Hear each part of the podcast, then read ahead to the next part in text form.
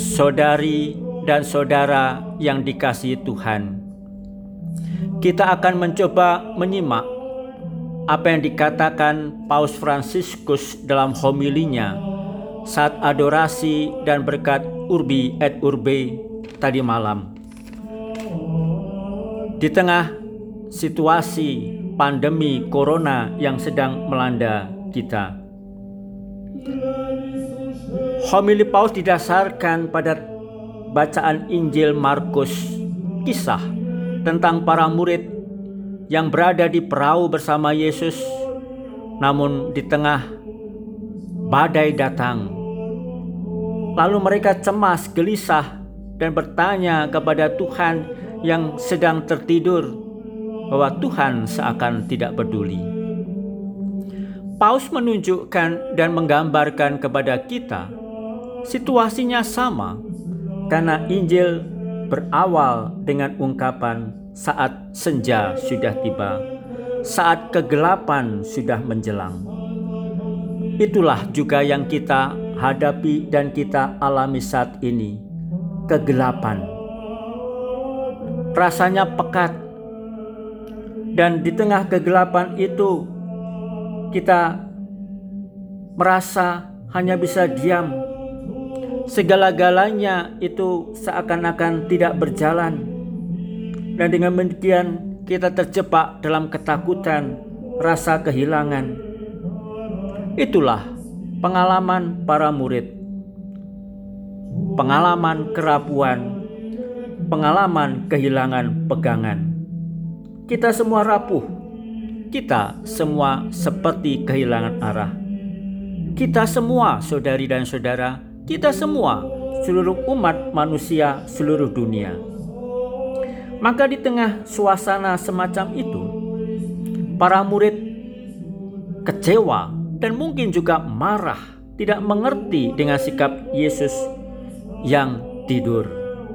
Saudari dan saudara, Paus Fransiskus mengatakan juga di dalam homili itu, inilah satu-satunya pernyataan dalam Injil Yesus tidur, tepatnya tertidur.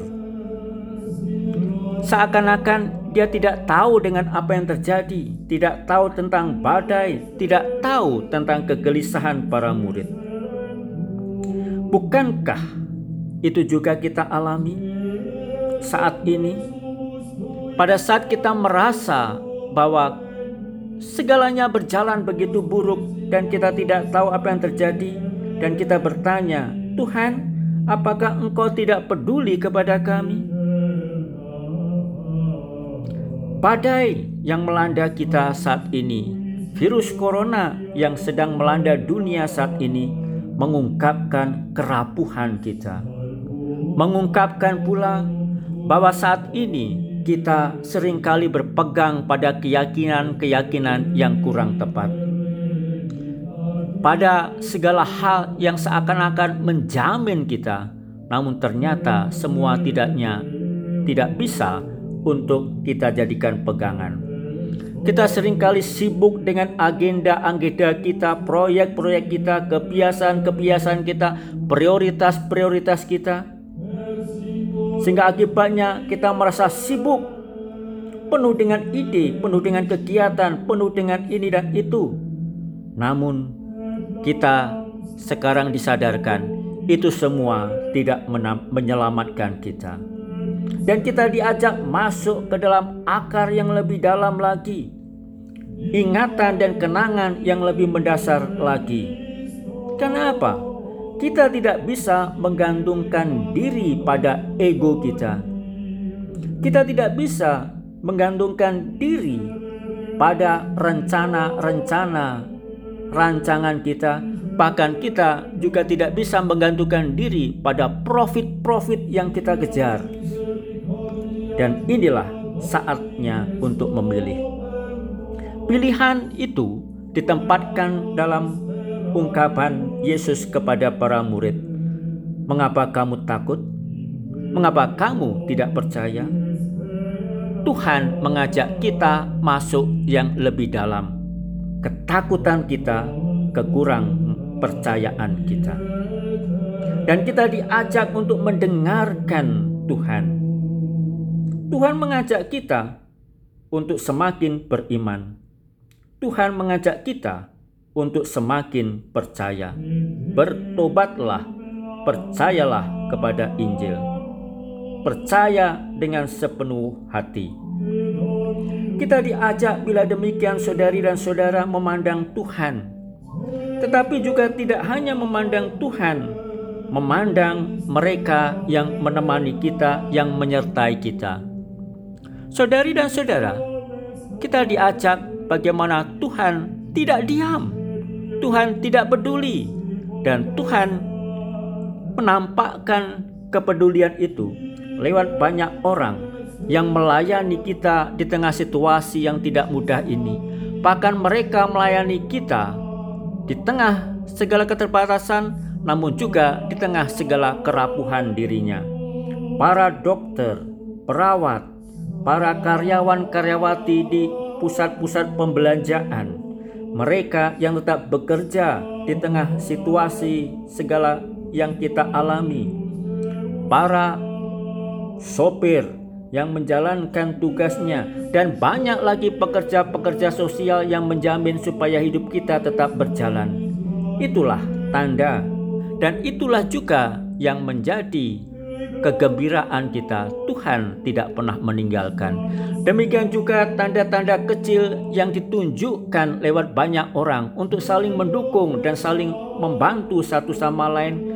Bisa kita lihat banyak orang yang kemudian bernyanyi bersama, saling menyapa bersama satu sama lain dan itulah tandanya.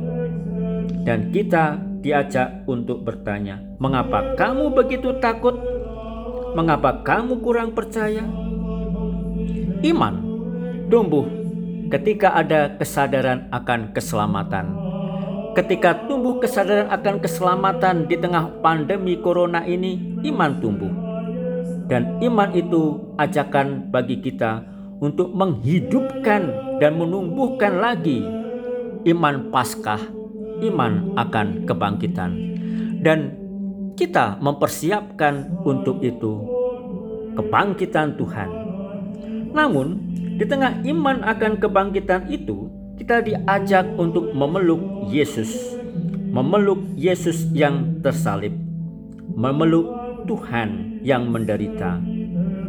Dan memeluk Tuhan yang menderita itu berarti berani memeluk kesulitan-kesulitan berani memeluk tantangan dan cobaan, berani memeluk juga keterbatasan yang ada. Mengapa?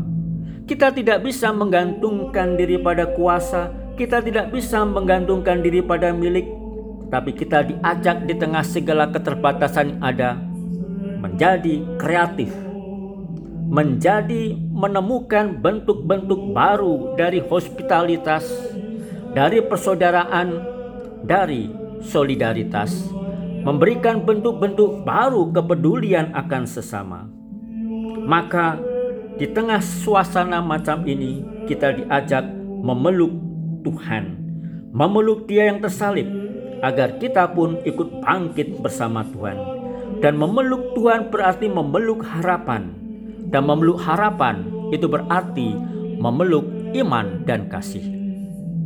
Saudari dan saudara, Betapapun kita memohon dengan sungguh dan berupaya dengan penuh agar wabah corona ini bisa berlalu, namun juga kita diajak oleh Tuhan untuk melihat bahwa wabah corona ini saat untuk belajar, saat untuk bertobat, saat untuk memperbaharui diri, saat di mana prapaskah ini kita mempersiapkan diri untuk menyambut Tuhan.